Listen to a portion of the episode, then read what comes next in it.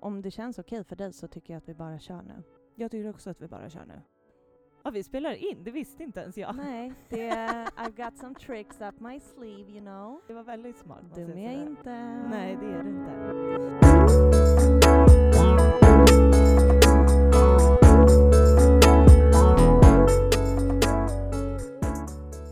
Det här är Vem vill prata med en sorgsen? En podcast om sorg och allt som inkluderas i det enorma temat. Ja. Jag heter Mickan. Och jag heter Steffi. Ja, Steffi. Hur fan mår du? Alltså, vet du, jag börjar liksom konstigt här gråta lite. Eh, jag vet inte riktigt varför. Okej. Alltså actual tears, eller är det för att vi precis var ute på en promenad typ? Eller vad, vad det är händer? säkert en blandning. Jag gråter ju ofta mycket när jag skrattar. Ja, det är sant. Eh, och sen så har jag också lite PMS, så vem vet vad som är vad? Ja, men du har inte skrattat jättemycket nu. Nej, bara ett eh, paniknervöst skratt. Ja. Så det kanske är det. Men det är inte så konstigt. Vi är inte Nej. så vana. Vi är så två amatörer som bara provar oss fram. Ja, och har den här eh, sjuka utrustningen som vi inte vet hur vi ska använda. Ja men precis. Vi har ju liksom gått all in och verkligen så här köpt poddutrustning. Ja, Och sen så har vi liksom riggat upp allt det här, för vi har inte mick, liksom stativ. nej. Så vi har liksom riggat på något sätt, eller du har med krukor, tallrikar, tejp och allt vad fan det nu är. DIY Queen. Verkligen. Men du Steffi, mm. Mickan. det känns ändå stort och eh, såklart väldigt eh, ledsamt att vi eh, behöver sitta och göra den här podden. Ja, det är väldigt dubbelt. Ja, verkligen. Alltså väldigt dubbelt. Vi har ju startat den här podden, vi kan upprepa igen, som heter Vem vill prata med en sorgsen? Mm. För att vi ju ehm, lever med och eh, under ganska exakt två års tid nu har levt med en väldigt stor sorg. Mm. Och vi har ju känt att vi vill prata jättemycket om, om sorgen. Men känt att det är ingen som vill prata med oss. Mm. Därav namnet.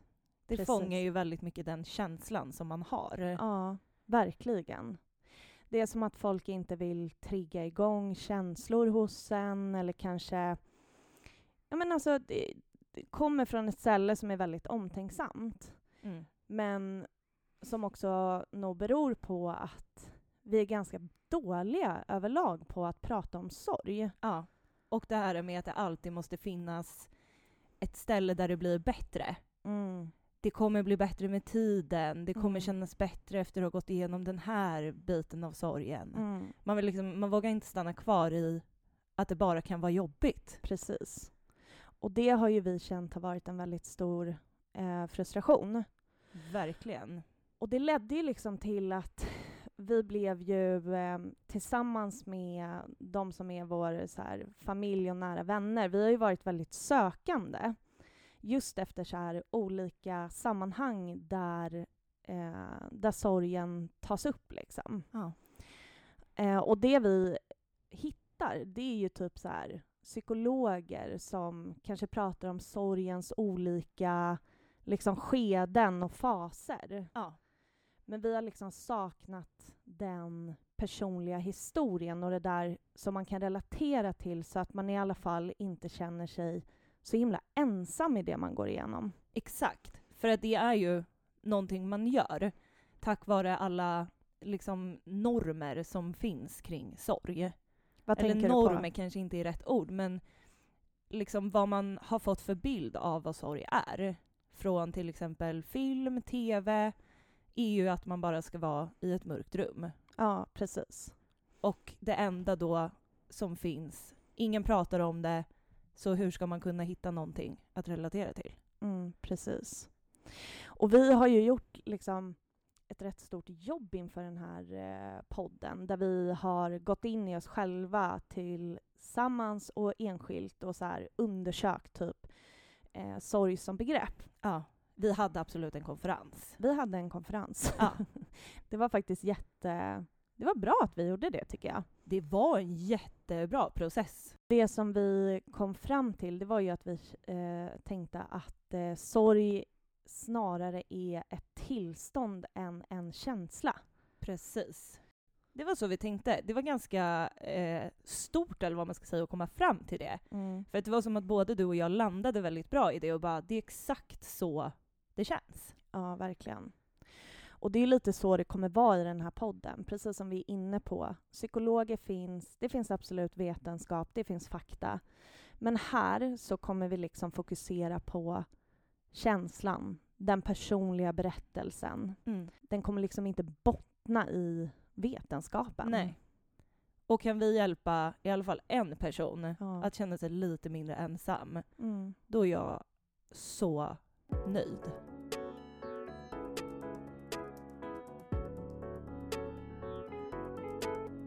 Men eh, Mickan, vi kanske ska berätta vad det är för stor sorg som vi faktiskt har. Mm. Ja, lite så här bakgrund. Du och jag, vi är ju systrar. Hoppas ni hör skillnad på oss. Det har varit min största ångest Jag från vet. början. Jag bara, tänk Steffi om de inte hör vem som pratar när liksom. Men jag hoppas bara att ni eh, kan urskilja våra röster. Ja. Jag tror det. Ni Jag kommer lära känna oss också. Exakt.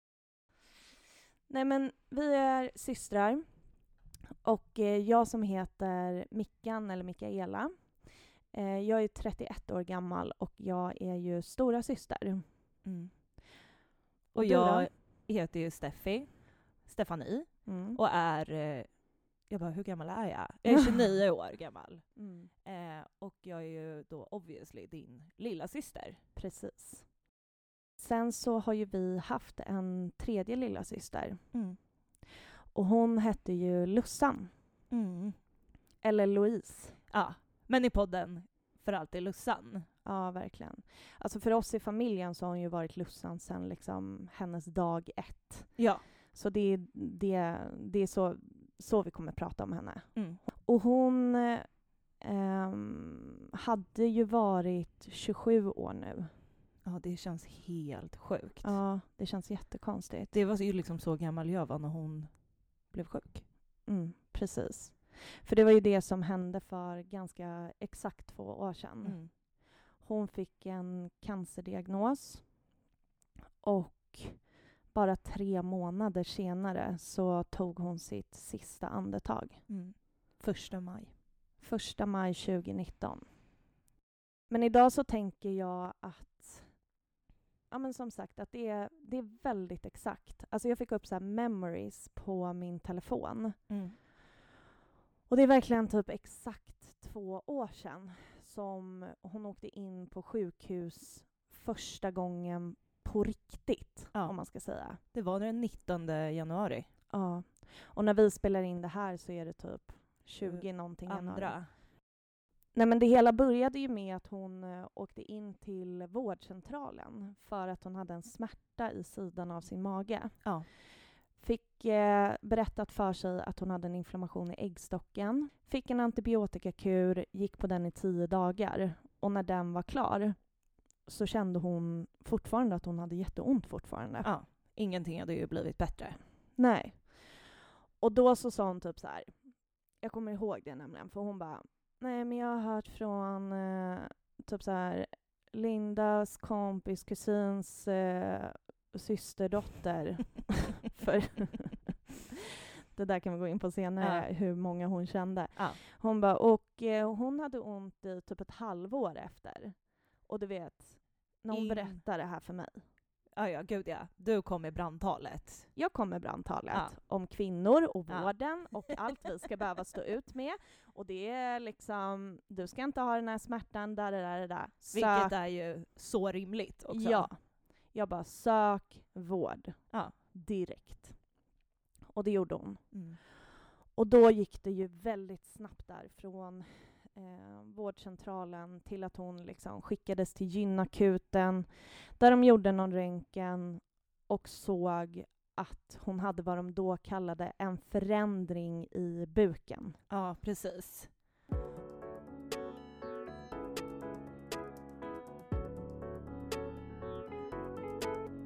Mm. vi låg ju vakna ganska länge där på natten och väntade på att få höra någonting från Precis. när hon var inne på akuten. Ja, för att hon, var, hon åkte in och sen så var hon kvar på akuten hela natten. Precis. Och sen så vaknar vi på morgonen av att mamma ringer och säger att hon åker ner till Göteborg. Ja. Och det tror jag liksom inte att vi har sagt att så här, hela vår familj är ju från Stockholm, men att Lussan vid det här liksom, tillfället, eller den här perioden, hon bodde ju i Göteborg. Men eh, vad kände du när mamma sa att hon åker ner? Nej men om jag ska vara helt ärlig så eh, blev jag typ irriterad först. Eh, för att jag var typ så här: okej, varför åker du ner utan att säga något? Alltså jag vill också åka ner liksom. Jag vill också finnas där för henne. Mm. Eh, men det tror jag liksom beror på att det är ganska initialt min så känsla när någonting blir jobbigt, typ. Alltså när jag blir orolig, när jag blir ledsen. Men sen så såklart bara orolig liksom. Alltså mamma är ju sjuksköterska och vi är liksom uppvuxna med att ja, men, så här, om det inte är någon fara på riktigt, då är det liksom ingen fara. Hon har ju Man- alltid varit väldigt chill. Ja men precis, alltså rimlig skulle jag vilja säga. precis.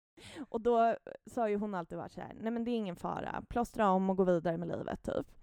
Och när hon ändå bara åker ner, då fattar man ju också någonstans att så här, shit det här är, det här är någonting liksom. Mm. Eh, jag kommer ihåg att jag ringde till min eh, kille Anton, eh, som ju också bodde i Göteborg då, och var typ så här, mamma är på väg ner, hon känns ganska orolig, kan du så möta henne på centralen med typ en kaffe och följa med henne? Just det. Ja, och han bara, självklart. Eh, Vad kommer du ihåg, liksom, vad, vad kände du så när mamma bara, I'm on my way, typ?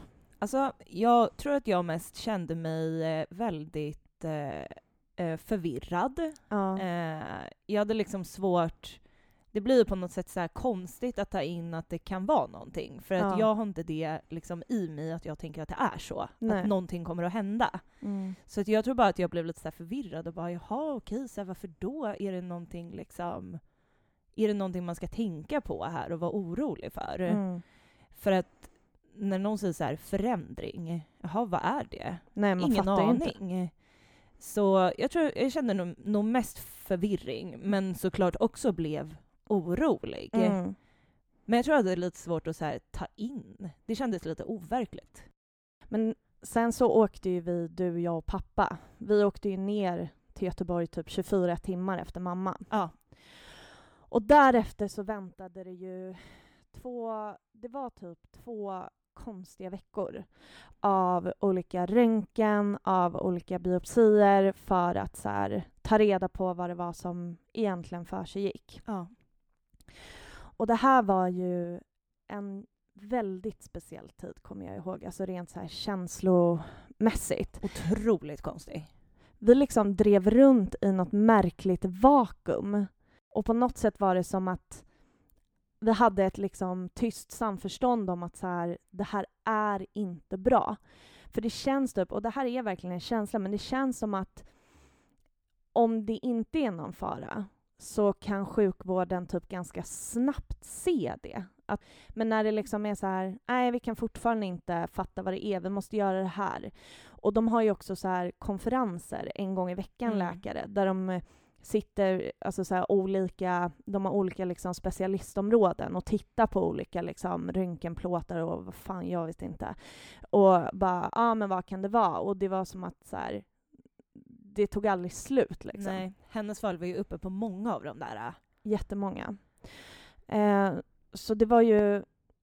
Ja, jag vet inte. Man fattade liksom och man märkte att hon fattade att så här, nej, det här är någonting jävligt allvarligt liksom. Ja.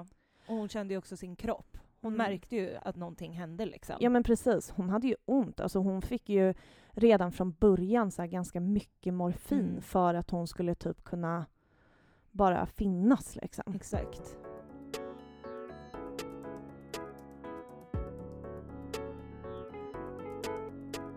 Vad minns du från den här tiden? Eh, jag minns några specifika tillfällen. Eh, det var ett sånt där som kom upp för mig var när eh, eh att Lussan hade fått eh, pratat med kurator Mm. och fått så broschyrer om cancer. Ja.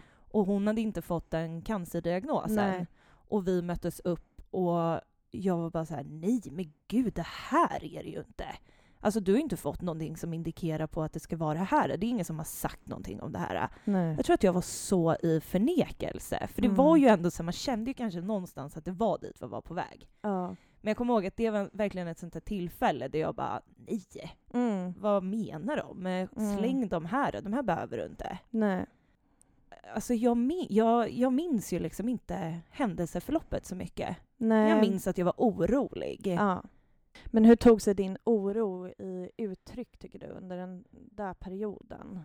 Alltså, dels shoppade jag mycket. Ja. Alltså så här, när vi liksom, alla de här timmarna man satt och väntade på sjukhuset. Ja. Köpte så mycket olika konstiga saker. Ja. Sen, jag, grä, jag grät ju väldigt mycket. Ja. Alltså jag blev ju väldigt ledsen för minsta lilla. Men jag minns att det var väldigt annorlunda för dig. Ja, det var det verkligen. Det var jättekonstigt. Alltså jag är ju en person i vanliga fall som så här, äh, jag gråter när jag är ledsen. Jag gråter när jag är arg, när jag är glad, när jag är irriterad. Alltså jag gråter mycket. Under den här perioden, jag var stel. Alltså så här, jag fällde inte en tår. Jag gick in i något så här praktiskt mode där jag liksom, jag kommer ihåg, alltså jag åkte och så här köpte en sån här jättemjuk morgonrock och en stor skön flanellpyjamas och ögonbrynsfärg och tog med till sjukhuset och bara nu ska vi göra en liten behandling typ och så här sheet masks och grejer och bara här, ja, allting jag köpte var ju till henne Mm. liksom. För att så här, jag vet inte, det kändes som att eh, jag under den här tiden behövde vara så här stark för henne. Jag, precis som du, var ju också skitorolig, men det var som att jag liksom jag bara blockade hela mitt eh, känsloliv för att jag tänkte att det här är inte jobbigt för mig. Mm. Det här är jobbigt för henne, punkt slut. Jag måste bara så här, försöka lyfta henne så jävla gott det går. Mm. Det var ju också så att vi var ju där hela familjen hela tiden. Och eh, det var som att alla hade så mycket olika känslor och alla var så ledsna. Det var många som grät och sådär. Och av någon jävla anledning så fick jag då för mig att så här, nej men då måste jag lyfta hela det här gänget nu. Men är inte det så här din stora systerroll också? Att du måste gå in och ta typ det ansvaret? Ja, men jag tror att det eh, kan vara väldigt mycket det som ligger till grund för det. Mm. det, det är ju konstigt, alltså som det var i vår familj, att jag var ju den enda, eller är fortfarande den enda stora systern. Alltså, ja, just det. ja, du och Lussan, mina småsyskon, och både mamma och pappa är yngsta syskon. Ja. Men någonting som, så här, ett tillfälle som jag verkligen minns från den här perioden, det var att eh, jag var i en så här jobbsökarprocess. Just det. Och så kommer jag ihåg att du och jag och Lussan var hemma i Lussans lägenhet i Göteborg. Eh, och det här var, hon var ju liksom inne på sjukhuset ganska mycket men ibland så fick hon ju komma hem. Liksom. Så vi var där. Mm.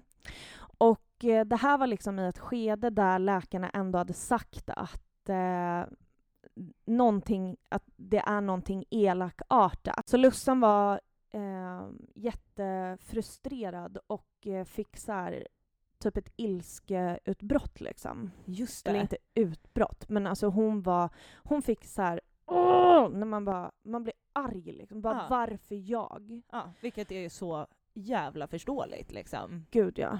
Och ehm, det här liksom ledde till att vi bara, ja, ut med ilskan. Typ försökte peppa henne till det. Ja. Så vi liksom satt och så här slog med knytnävarna i kuddar. Vi satt och så här skrek in i Ah. kuddar. och bara, alltså vi var... Försökte hantera typ. Ja men vi var tre savages som satt och bara typ. Och så mitt i det här så ringer min telefon. Och jag bara oh my god, typ det här är nog de som ringer om jobbet. Och mycket riktigt, de ringer och bara Hej Mickan, hur är läget? Du har fått jobbet. Det är en så absurd situation. Så mitt i den här jävla ilskan så bara får jag ett besked som jag verkligen har väntat på, som jag blir så glad över. Och det här är, det är så tydligt i mig fortfarande för att det var sån jävla kaos i hela min mitt känsloliv, typ. Glädjen och ilskan som fanns där. Och så var det typ så här, jag satt där och pratade med den som skulle bli min chef och min närmsta kollega och de bara hur, hur känns det? Vad Ah. kul, vi är så peppade, bla bla bla, typ. Och jag bara "Ugh." Alltså helt så här. Och liksom ni blir skitglada och sen så när jag lägger på telefonen då står vi alltså från att sitta och skrika i ilska till att så här hoppa och dansa typ Ja. i glädje. Ett så här, det, det första tydliga exemplet på hur livet typ fortfarande ser ut. När man går och bär på jobbig, eh, en jobbig och fruktansvärd känsla konstant, men så händer någonting kul i livet. Och ändå, och så ska man bära alla de där känslorna samtidigt. Mm. Det där tycker jag är så jävla mycket hur livet har varit ända sedan januari för två år sedan. typ. Exakt. Och också att det kan finnas här plats för den glädjen Mm. ändå när man är i det där, när det är den här ilskan och oroligheterna. Men ändå så här, när det händer någonting kul Mm. så är det också jättekul. Ja, det var så himla konstigt. Också tänker jag kanske att det var typ ehm, kanske härligt att få så här ett rakt av bara positivt besked mitt i allt eh, som bara var fruktansvärt typ. Ja, och kunde få tankarna att leda till någonting annat i två minuter. Ja, verkligen. Sen så kom ju den där eh, hemska jävla dagen när vi skulle få diagnosen. Ja. Och vi visste ju att den skulle komma den där dagen. Mm. Det var ju så konstigt, för det var ju det enda man väntade på. Mm. Man ville ju bara att dagen skulle komma, samtidigt som det var det värsta man kunde tänka. Verkligen. Men vi visste ju heller liksom, vi hade ju ingen aning om vad vi skulle vänta. Nej. Alltså ibland så kan det ju vara så här, alltså även om ett cancerbesked är vidrigt oavsett, så kan det ju vara så här, ja men och vi fixar det här typ. Ja, då behandlar man. Jag kommer ihåg att den där väntan, alltså den var så lång. Ja. För det var, de går ju så här ronder typ. Och Mm. ibland så kan ju det dra ut på tiden såklart, alltså beroende på bla bla bla. Vilket också gjorde den här dagen. Som fan. Alltså vi väntade och väntade. Ja.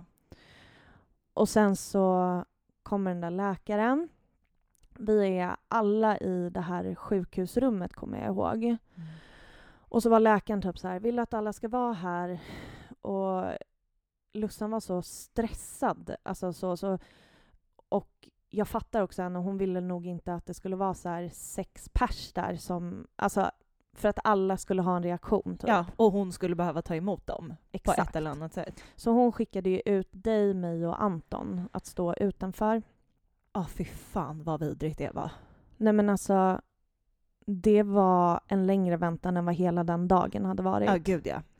Vi stod där och bara what the fuck, what the fuck. Alltså vad hände? Vi hade ju ingen aning. Nej.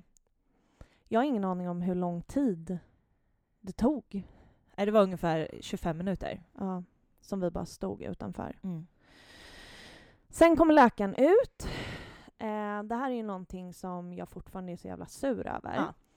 För att han kommer ut och jag bara kan inte du uppdatera oss eh, lite snabbt? Han bara eh, nej jag har inte tid. Och bara drar. Det, är- alltså, ja, nej jag, jag har inte ord för det. Jag, det var otrevligt. Jag tycker också det. Alltså, jag vet inte. Min känsla är liksom bara att baserat på beskedet vi fick, alltså ta fem minuter och berätta. Ja, speciellt när man är så sen också. Mm. För det som istället händer, det är ju att vi kommer in i rummet igen. Mamma, pappa, Lussan och Lussans kille, liksom, de är jätte, jätte, jätteledsna. Ja, alla satt ju bara och grät hysteriskt. Mm. Och vi bara, vad sa de, vad sa de? Pappa och mamma får inte ur sig ett ord. Och vi bara, men vad sa de? Och det slutar liksom med att Lussan får samla ihop sig och berätta det här för oss. Ja. Och det var ju...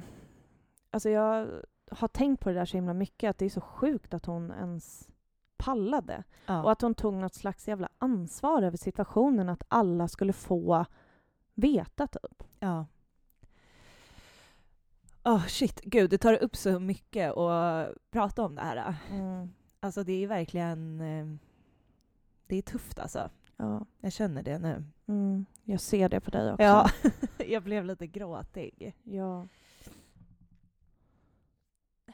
Men jag tycker att du ska gråta. Ja, det, det kommer oavsett om jag vill eller inte. Ja. Gud. Vi kan ta en liten paus.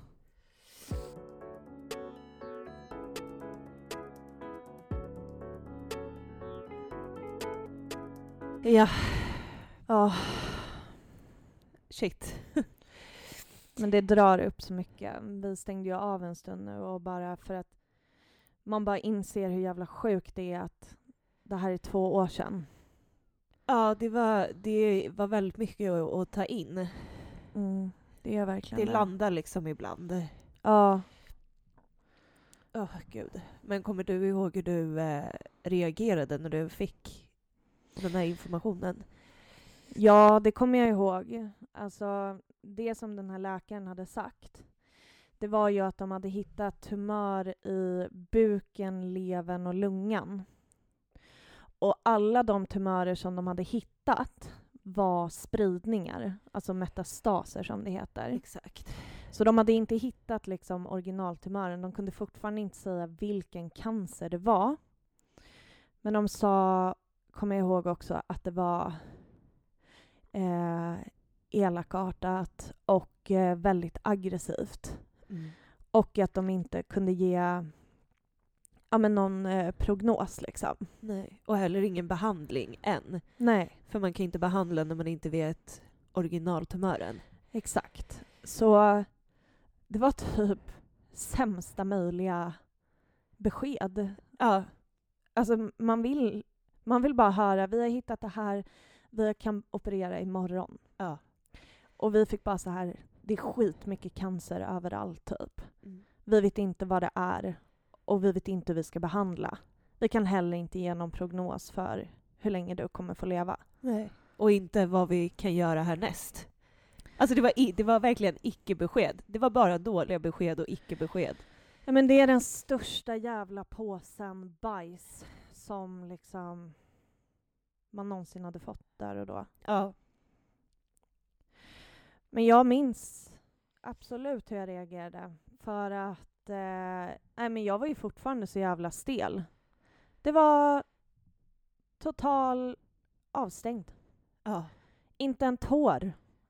Alla grät som fan liksom. Kramades, höll på. Och jag bara... Alltså jag var så stel och stum typ. Ja. Jag började istället att bara... Typ så här, för det var liksom det, när situationen ändå alltså, lugnade ner sig lite i eh, rummet så var det typ så här... Eh, ja, men då gick jag in i praktiskt igen. Jag bara... Ja. Eh, Man är så jävla skev människa. Nej men så konstigt. Nej men ehm, typ såhär, Lussan bara, åh gud jag måste, typ såhär, hon var ju i chock liksom. Hon bara, jag måste höra av mig till eh, de här och då igen, alltså hon känner ju, kände ju liksom en miljard personer eventuellt. Ja. Jag måste smsa den här, bla bla bla bla. Så jag bara, nej Lussan, eh, nu eh, ska vi göra en Facebookgrupp eh, och så kan vi skriva uppdateringar, bla bla bla. Typ så här. Hon bara, ja det blir jättebra. Alltid liksom. lösningsmodet på. Nej men absolut. Så det här pågick en stund liksom. Och sen, när, alltså bara två timmar kanske efter beskedet, då släppte något i mig och jag började storgråta. Ja. Och Lussan bara tittar på mig. Där har man gått runt. Nej men det är två plus veckor. Man har gått runt. Man har tänkt, nu ska jag vara stark, nu ska jag vara det här, där. Lussan kollar på mig. Nej men äntligen. Alltså jag har för fan inte känt igen dig de här veckorna Mickan. Och jag bara... Och så blev... Alltså det är jävla skevt också. Och då blev det liksom att hon bara kom, typ så här. Så fick Ja. hon sitta och så här typ krama om mig och typ så här, trösta mig när jag tappade. Hon var ju så glad att du inte hade ditt psykopatbeteende. nej, och det var ju det hon sa. Hon bara, du har känt som en jävla psykopat de här veckorna liksom. inte, inte visat något. Hon har varit jättestressad i min närhet. Där har jag kommit med någon ögonbrynsfärg och bara pillat i hennes ansikte och bara låt mig fixa lite här typ och bara känn på den här morgonrocken, mjuk va? Typ så här. Och hon bara har tyckt att det har varit skitobehagligt.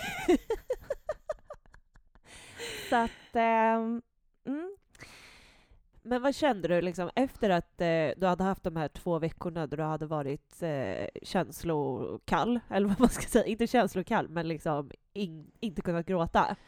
nej, och jag, sen till att du liksom grät, var det liksom annorlunda efter det? jag minns inte. Nej.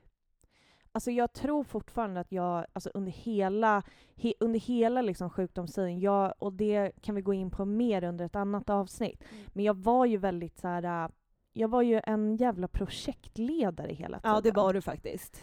För det som följde var ju typ ett rullande schema oss i familjen emellan, där vi var liksom, åkte mellan Stockholm och Göteborg hela, hela, hela tiden. Och det var liksom jag som bara, jaha, vem är där nu? Det- det- det", Typ. Men det kan vi som sagt gå in på en annan gång. Så jag tror att jag, jag fortsatte en del i det där modet, men jag vet inte. Både och tror jag. Ja. How about you? Eh, nej men jag minns bara att jag typ lite halvt ramlade ihop och eh, började gråta. Ja. Och sen så bara grät jag ja. ganska länge. Mm. Jag, jag minns liksom inte riktigt vad mina känslor var. Jag tror att jag också var ganska irriterad Mm. för att så här, vi inte hade fått något besked egentligen. Ja. Jag tror att det, det, det skavde som fan i mig. Mm. Och jag, var, jag kände mig arg. Mm. Jag kände, kan inte ni bara lösa det här nu så att vi kan sätta igång och Ja. göra någonting åt det här? Ja. Så det var lite både och av det liksom. Mm. Men jag tror att det är ganska, det är nog ganska naturligt. Mm. Men eh, sen så, en sån här grej som jag kommer ihåg så väl var när vi sen eh, åkte tillbaka till eh, Stockholm. Ja. Då var det ju bara du och jag. Mm. Och vi satt på SJ-tåget, eh, drack eh, jättemycket vin Ja. från bistron Mm. Och bara satt och... Du bara no to SJ. Vi drack vin från bistron. ja, precis. Vi hade Disclaimer, inte, disclaimer. inte medhaft vin. Nej. Following the rules. Eh, Nej men och vi, eh, vi sitter och bara snackar om liksom alla de här dagarna som har varit. Mm. Eh, och så kommer jag ihåg att jag säger typ så här men jag har, jag har faktiskt ändå en känsla av att så här, det här kommer, det här kommer att gå bra. Ja. Och du säger, jag känner det raka motsatta. Mm. motsatta. Mm. Ja. Det var sjukt. Ja. Gud. Alltså, Det här var... Det är en käftsmäll liksom. Det är det. Och det är en så himla konstig period för oss nu också, som Ja. vi har nämnt några gånger. Ja, verkligen. Men eh, gud vad det kom fram känslor. Mm, det gör verkligen det. Alltså jag tänker att vi in, inte ska eh, fortsätta nu egentligen. Nej. Eh, utan att vi kommer som sagt, vi kommer berätta mer om ja, sjukdomsperioden och känslor kring det som vi redan ändå har varit inne på. Mm. Men jag tänker att eh, man orkar heller inte ta hur mycket som helst i en omgång. Och Nej. jag eh, kan tänka mig att ni som lyssnar kanske inte orkar höra. Eh, Nej. nej men allvarligt, Nej, alltså men det är så verkligen. jävla tungt att prata om. Ja, det är det. Ja, så jag tror helt enkelt att vi eh, rundar av eh, vårt samtal för idag där. Jag känner mig, eh, jag känner mig ändå stolt över att vi gör det här. Jag är så stolt över oss. Mm. Jag är verkligen det. Det känns, det känns så himla viktigt. Det gör verkligen det. Och jag hoppas att eh, ni som lyssnar antingen har kunnat känna igen er om ni har varit i en liknande situation själva eller om ni som inte har varit i en sån här situation, vilket jag hoppas är så många som möjligt egentligen, Ja. alltså överlag, ändå kanske, ja, jag vet inte, bara kunnat ta del av vår historia. Det här är det enda vi har kvar på Mm. något vis. Vi förlorade vår älskade, älskade Lussan Ja. när hon var bara 25 år ung. Mm. Och vi vill ha med oss henne på alla sätt det går, för alltid. Ja, det vill vi. Vi kommer att finnas i era öron en gång i veckan, varje måndag. Så ja, nästa måndag är vi tillbaka igen, eller hur Steffi? Ja, då ses vi då. Fram till dess eh, så finns vi på Instagram där vi heter Vem vill prata med en sorgsen? Eh, skriv gärna till oss. Och vi har också en e-mail om man hellre vill skriva där Ja. som också heter Vem vill prata med en sorgsen? at gmail.com. Enkelt och lätt. Nu avslutar vi med eh, en grej som vi alltid gör. Ja. Kan inte du berätta? Jo.